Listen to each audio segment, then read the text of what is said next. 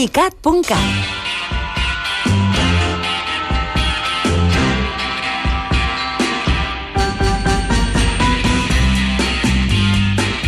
I avui volem fer molt feliç a una oient. Eh, adiós, eh, adiós, adiós, Adéu que continuem tothom. aquí al cabaret elèctric.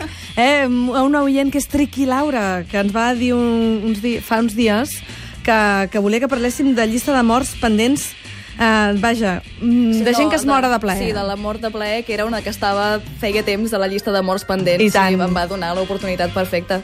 Exacte. Darren. Darren, Triqui Laura, tot per vosaltres. I avui, doncs, morirem de plaer a rigor mortis aquí amb l'Anna Ferrer. Doncs comencem a morir-nos.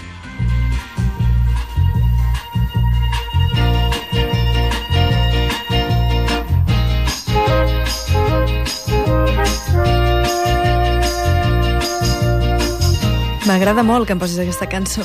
Aquesta cançó és la dels crèdits inicials de Barbarella, que és, uh, bueno, és... Un pel·liculon. És l'únic del que es podia parlar. Si hem de parlar de morir de plaer i ficció, eh, només hi ha una opció, i és Barbarella, pel·lícula de culte del 68, protagonitzada per una Jane Fonda guapíssima amb un vestuari immillorable. Espectacular. Per no I- parlar de, de, vaja, de tot l'escenari Sí, tot i tots els decorats general, brutals que fantàstic. tenen. Sí, i de fet hi ha aquí l'etiqueta com una comèdia de ciència-ficció eròtica, però eròtica, eròtica no és. Com si l'erotisme no fos ciència-ficció moltes vegades. Exacte, però vull dir que té, o sigui, l'argument té molt contingut sexual i la Jane Fonda va molt lleugera de roba tota la peli, però l'efecte que fa és de, no és eròtic, és tot molt tonto i molt hortera i fa molt de riure.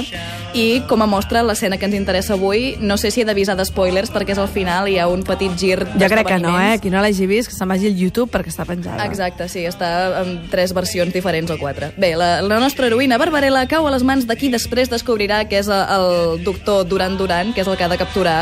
eh, des Res a veure amb la banda, no? Bueno, el, la banda es van inspirar en el doctor Duran Duran de Barbarella. Aleshores, el doctor Duran Duran l'atrapa dins la màquina excessiva, que és com una mena de llit de massatge amb un piano en un extrem, i ell toca la sonata per executor i diverses jovenetes en el piano de l'extrem i aleshores la màquina es posa en funcionament, fa que despulli la barbarella i encara que al principi és agradable, a la llarga ha d'arribar a matar-la de plaer. Però la Barbarella és tanta dona que peta la màquina. La Clar màquina no sí. es pot posar a la seva alçada i la rebenta. I clar, Duran Duran escandalitzadíssim. Massa dona per una màquina Exactament. excessiva.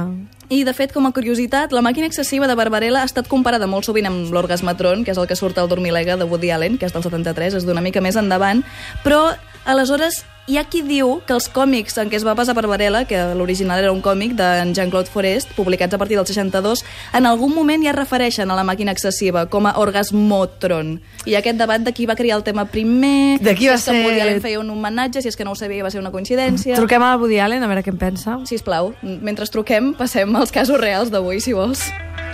Morir de plaer, nois. Uh, per cert, que molts oients ens han dit ells com moren de plaer i ens diuen coses com ara mateix friso per deixar-me abduir pel sofà, només avui, oh, jo aquí a la feina. I jo que sé, per exemple, l'atelier de Maison Sabrina Sant Pere diu quina gana, a aquesta hora, un plat de macarrons. Oh, sisplau, sí. A nosaltres també ens agradaria.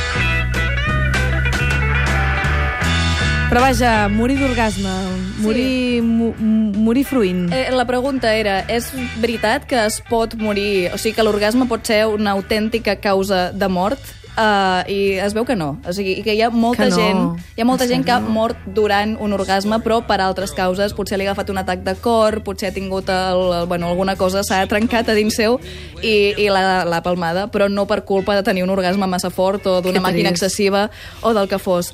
Però hi ha un cas recent de fa uns 3 anys d'una noia que es deia Bianca Borges Be- Bezerra, que és bueno, brasilera, de 21 anys, que va morir després de tenir un orgasme de 12 minuts.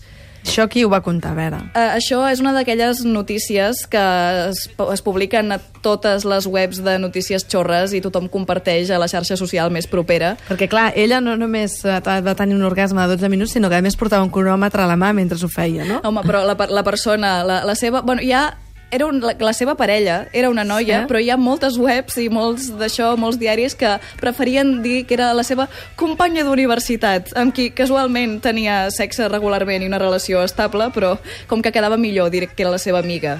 L'amiga amb qui estava tenint sexe i que va presenciar els 12 minuts d'orgasme i, i que va perdre la seva parella i ja estava prou... Eh, bueno, en fi, m'ha semblat... M'he escandalitzat molt quan he vist que li deien amiga de la universitat.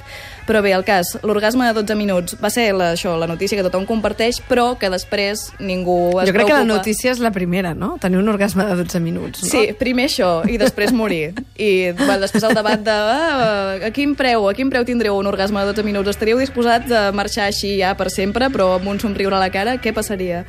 I, però sí, el, el que em preocupa a mi és que mai es va arribar a saber, mai es va arribar a confirmar com a mínim a gran escala eh, eh, què, què va passar. Confirmació a gran escala, el concepte. No, vull dir que les mateixes webs de notícies xorres eh, publiquessin després el... Un moment, tenim, tenim la solució. No, ningú va dir a ningú eh, fora de la família d'aquesta noia, entenc, si realment va morir per culpa de l'orgasme, que no seria el cas en principi, científicament es veu que no, i, i què, què li va passar tant per tenir els 12 minuts d'orgasme com per morir. Però el Però colofó, te- final, el colofó final és que la seva parella podria haver estat acusada d'homicidi involuntari Va. per haver-li provocat l'orgasme. Però la Poli ho va dir, eh, això. Va dir, hi ha la possibilitat, espero que no passés. Però hi ha molta Però- gent, per exemple, que es mora menjant.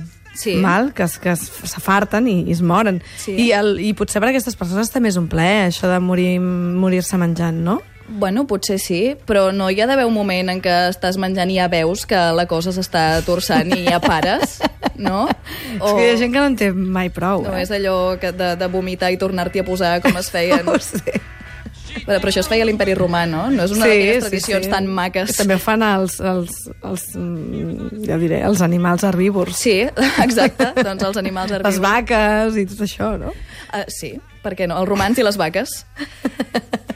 I res, tenia una mm, coseta, una curiositat final, que és, no és una mm, mort per orgasme, però sí que és de morir-te de vergonya per culpa d'un orgasme, que és que hi ha una malaltia que es diu síndrome d'excitació genital persistent, que és que les persones que la pateixen estan excitades sempre, sense necessitat de cap estímul i de cap desig ni de res, i poden arribar a tenir 100 orgasmes al dia. I si teniu ocasió i Oients, curiositat... si us passa, vosaltres, sisplau, cabaret elèctric, estem molt interessats en saber-ho. Es pot trobar una entrevista amb un senyor que és una de les poques persones que n'han parlat en públic, que el pobre està molt martiritzat dient no, que la sensació és agradable però jo em sento repugnant, que em passa al súper, que em passa quan estic passejant per un parc amb nens i, i és, eh, té, un, té un costat còmic que no pots Ja, ja, evitar, ja, ja. però et sap molt de greu també pel senyor. Digue'm, Però, abans de tenir un orgasme, que Sí. s'acabi aquest programa, em pots dir un número de l'1 al 9? Ah, sí, et diré el 4. Doncs el 4, el Rubén, Don Jafuda, s'endú el còmic eh, que regalem aquesta setmana de l'Ara Spiegelman, que el gaudeixi, ell que segur que té orgasmes. Visca. Com nosaltres, eh? És un, sin, sin vivir, això. doncs Mireia Isar, Josep Maria Marçà, tots orgasmats, acabem aquest programa. Tornem demà a les 9 de la nit.